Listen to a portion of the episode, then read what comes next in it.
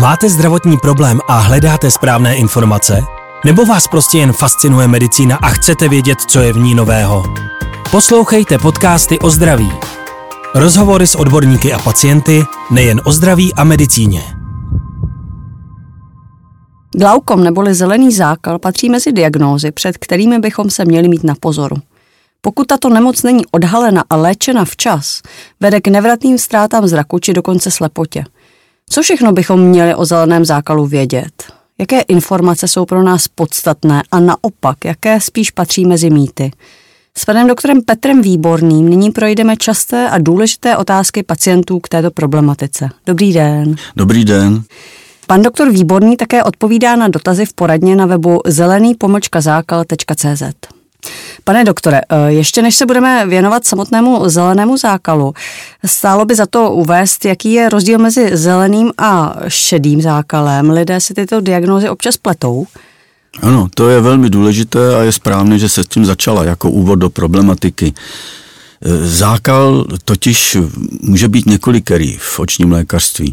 Eh, šedý zákal, který se vyskytuje asi nejvíc povědomí lidí, znamená vlastně skalení čočky, která je součástí optického aparátu toho oka. Takže to oko, když se čočka skalí, nevidí. Operačně se odstraní a pokud není přítomná žádná jiná oční choroba, pacient perfektně vidí jako před onemocněním šedým zákalem, takže pacienti jsou spokojeni, mají pocit, že stav se operačně vyřešil a je to pravda.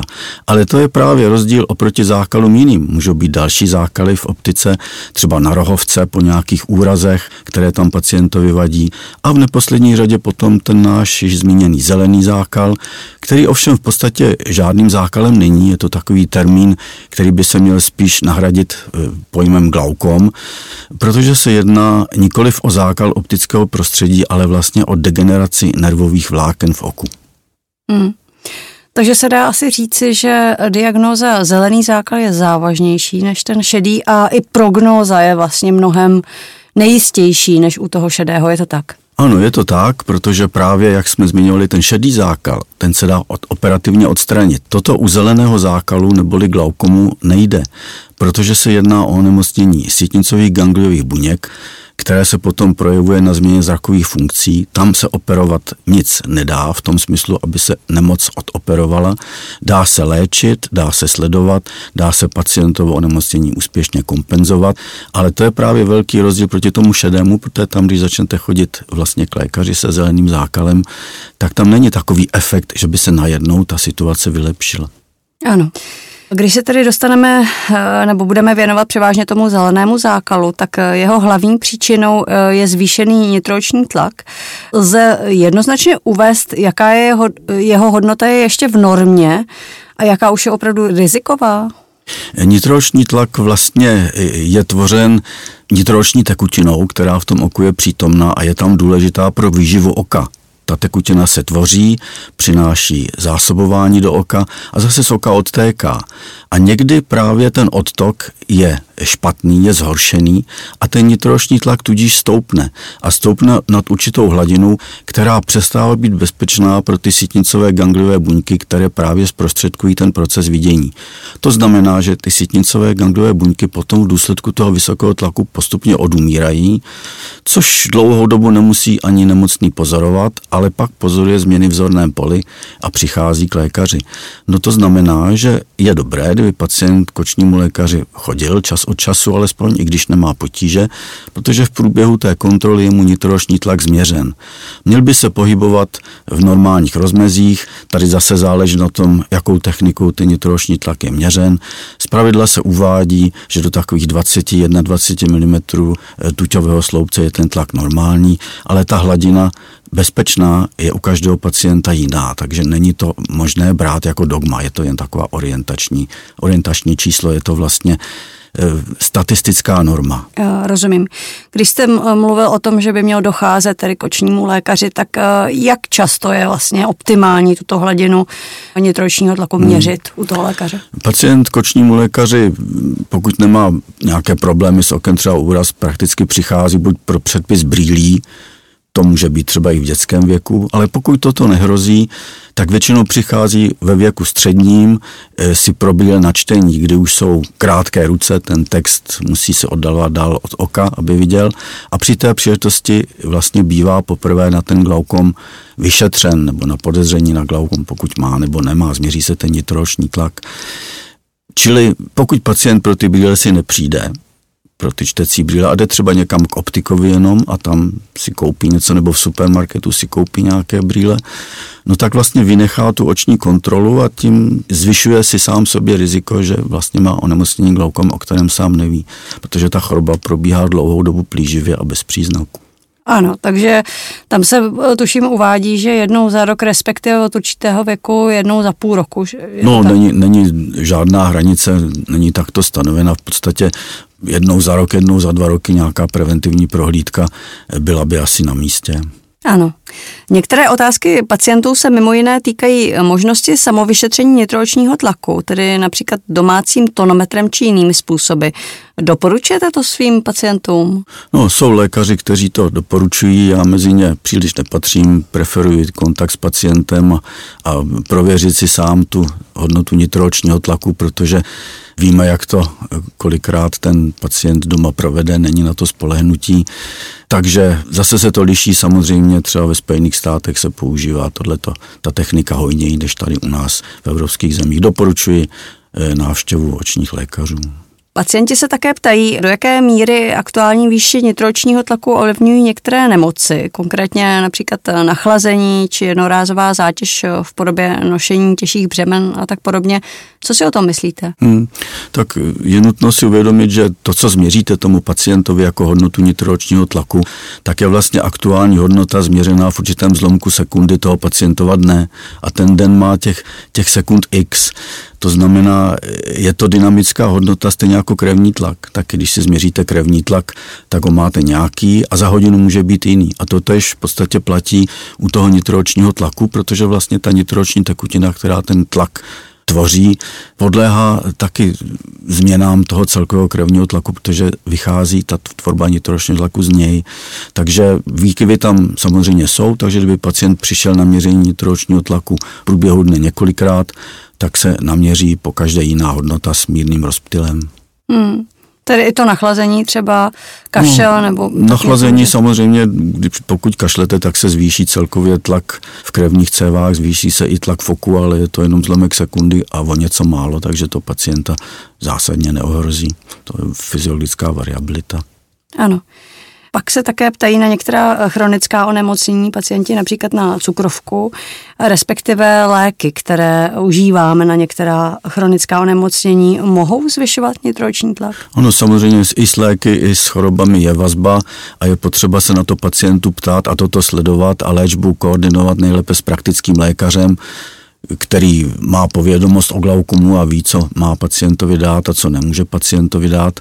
Navzájem si pomáháme i v tom smyslu, že třeba diabetolog nebo internista chce oční pozadí od nás vyšetřit u pacienta, kde právě jsou vidět nějaké změny s cukrovkou a z toho usoudí příslušný odborník, jestli je pacient kompenzován nebo ne. E, tam u té cukrovky je to tak, že vlastně je to choroba, která postihuje periferní cévy, drobné cévky, a to se týká právě taky oka, protože tam je cevní zásobení, které vlastně je konečné. Tam končí z oka, dál už nepokračuje. Takže jestliže u cukrovky jsou postiženy drobné kapilárky, drobné cévy, tak se to týká i oka. No a právě to souvisí s výživou těch e, sítnicových gangliových buněk a těch nervových vláken, které zprostředkují ten proces vidění. Takže u té cukrovky ta výživa je pro tyto orgány horší. Mm-hmm.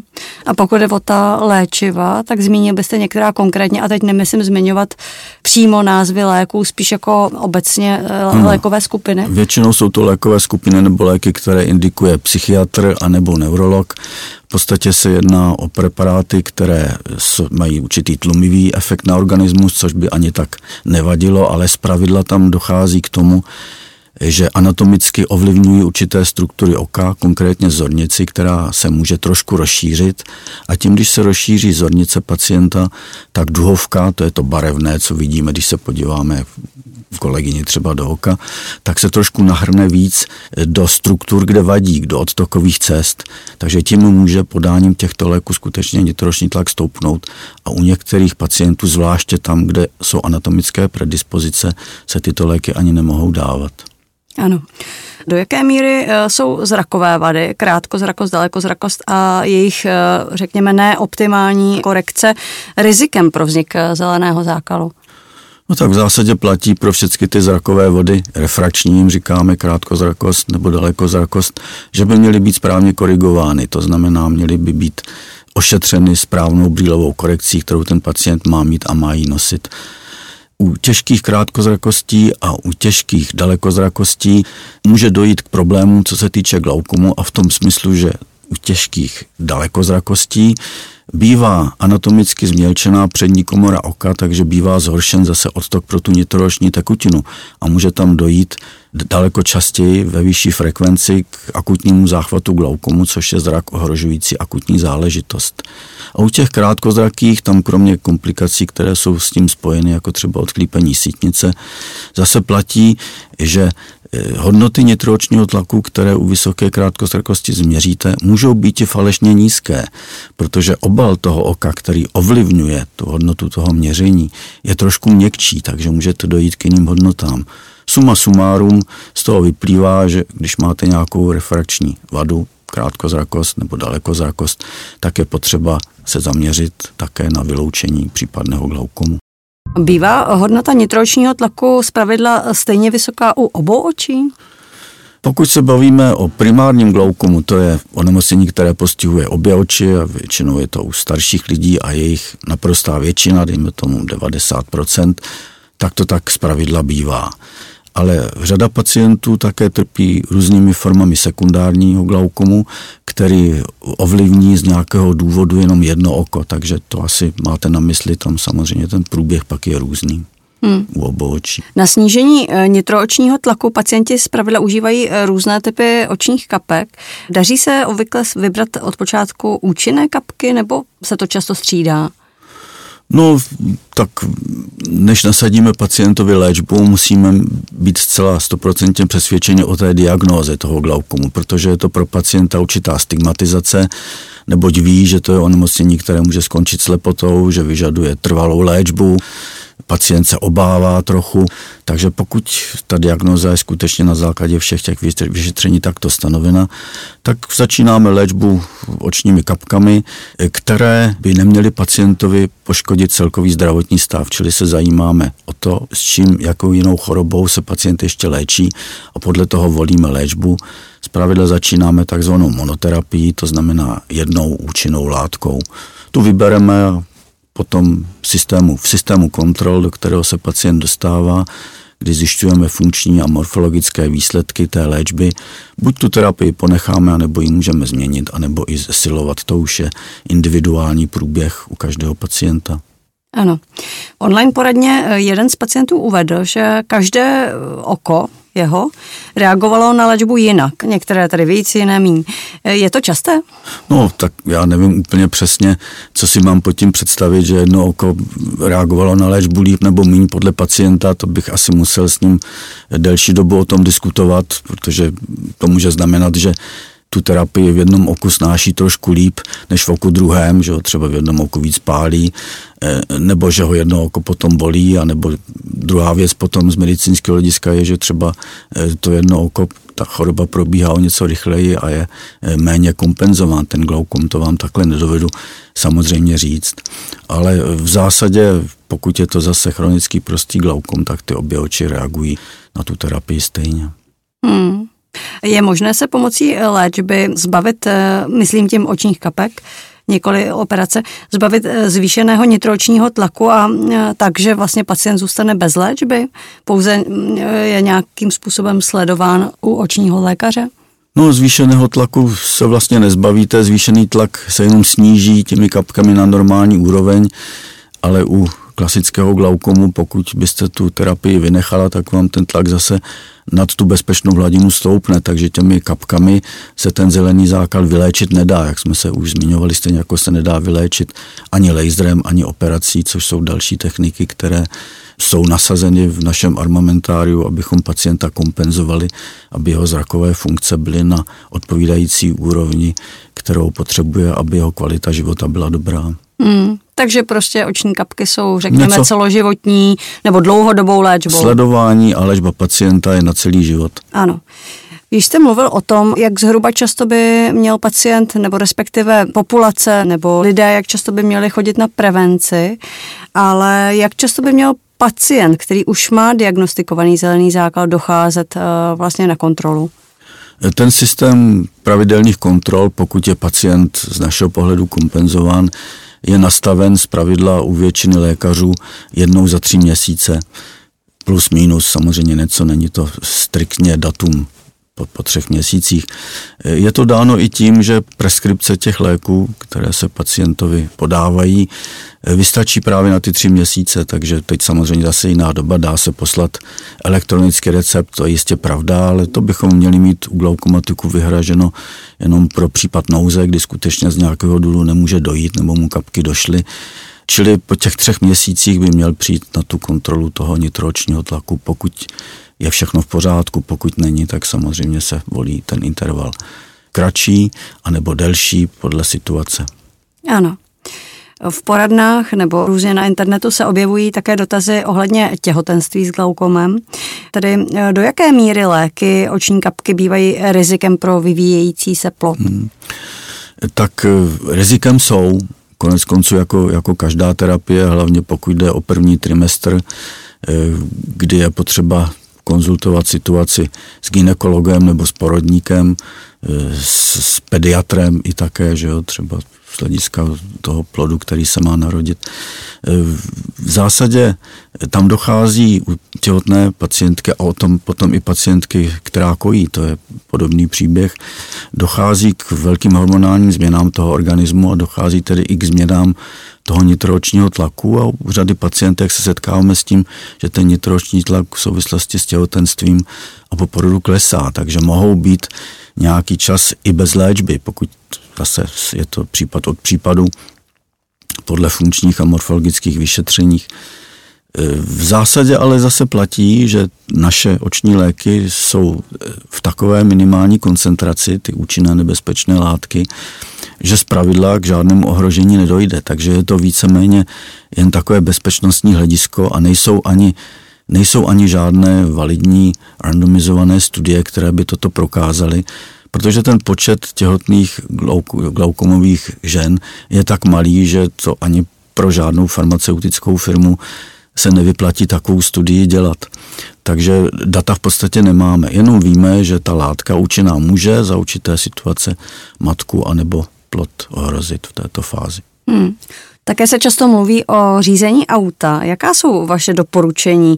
Řídí většina vašich pacientů? Eh, já myslím, že řídí. Eh, ono totiž je to tak, že tomu, abyste mohli řídit motorové vozidlo, tak musíte splnit nějaké zákonné požadavky. A pokud je ten pacient splní, ať už je to glaukomatik nebo jiná choroba oční, tak, tak pokud má zorné pole v pořádku, takovou v pořádku, tak z očního hlediska řídit může. Eh, tady asi máte na mysli pacienty s těžkými změnami zorné pole, to jsou určité ty pokročilé formy tam samozřejmě zase podle té vyhlášky, je to tam přesně kodifikováno, jak to zorné pole může vypadat pro určitou skupinu eh, schopnosti řízení motorových vozidel, ale v zásadě se dá říct, že hodně těch pacientů řídí k tomu, že bychom odebírali řidičský průkaz, protože takové oznámení jsme povinni učinit, mm-hmm. když, ty změny, když ty změny jsou velké, eh, dochází skutečně z našeho pohledu velmi zřídka. Tady je ještě důležitá situace, jak celkově na tom ten pacient je, jestli taky praktický lékař vydá souhlas, si zpravidla vyžádají praktičtí lékaři naše stanovisko. Ano. Jak je to eh, s různými sporty, respektive třeba i hraním na dechové nástroje? O tom se taky často diskutovalo. Na co všechno je potřeba dát si pozor, pokud má člověk zelený zákal? No, je, to ta problematika toho akutního zvýšení nitročního tlaku, který ale netrvá dlouho, takže v zásadě se dá říct, že běžný sport, rekreační sport je možno provozovat v podstatě bez omezení očního lékaře z hlediska glaukomu. Pokud jde o ty dechové nástroje, tak pokud jste profesionální trumpetista a máte tedy onemocnění glaukom, tak je to trošku asi problém, protože tam ten tlak samozřejmě stoupne, ale všechno je řešitelné a sledovatelné. Ale suma sumárum pro běžnou populaci eh, tady není žádný problém. Hmm. Pane doktore, eh, na závěr mám jednu takovou eh, těžší, byť zřejmě zásadní otázku. Podaří se u většiny pacientů se zeleným zákalem předejít ztrátám zraku, tedy slepotě? tak v moderní době jsme výrazně pokročili oproti starším letům, jak co se týče diagnostiky, kdy to onemocnění zjišťujeme velmi dříve, než tomu bylo dřív. Tím pádem se výrazně zvyšuje pacientova šance v boji s touto chorobou. A stejně tak terapeutické možnosti máme daleko širší, ať už jsou to medicamenty nebo intervenční zákroky. Takže se dá říct, že valnou část našich pacientů kteří přijdou na vyšetření včas, to znamená bez funkčních změn anebo s minimálními změnami, dovedeme kompenzovat některou z těchto technik takovým způsobem, že jeho kvalita života je odpovídající takovou, jako potřebuje po celou dobu jeho života. Ano. Moc krát děkuji za pozitivní závěr a celé povídání, váš čas a informace od vás. Já děkuji, že se této závažné problematice věnujete. Pořadem provázela Lenka Kadeřávková. Poslouchejte podcasty o zdraví. Rozhovory s odborníky a pacienty nejen o zdraví a medicíně.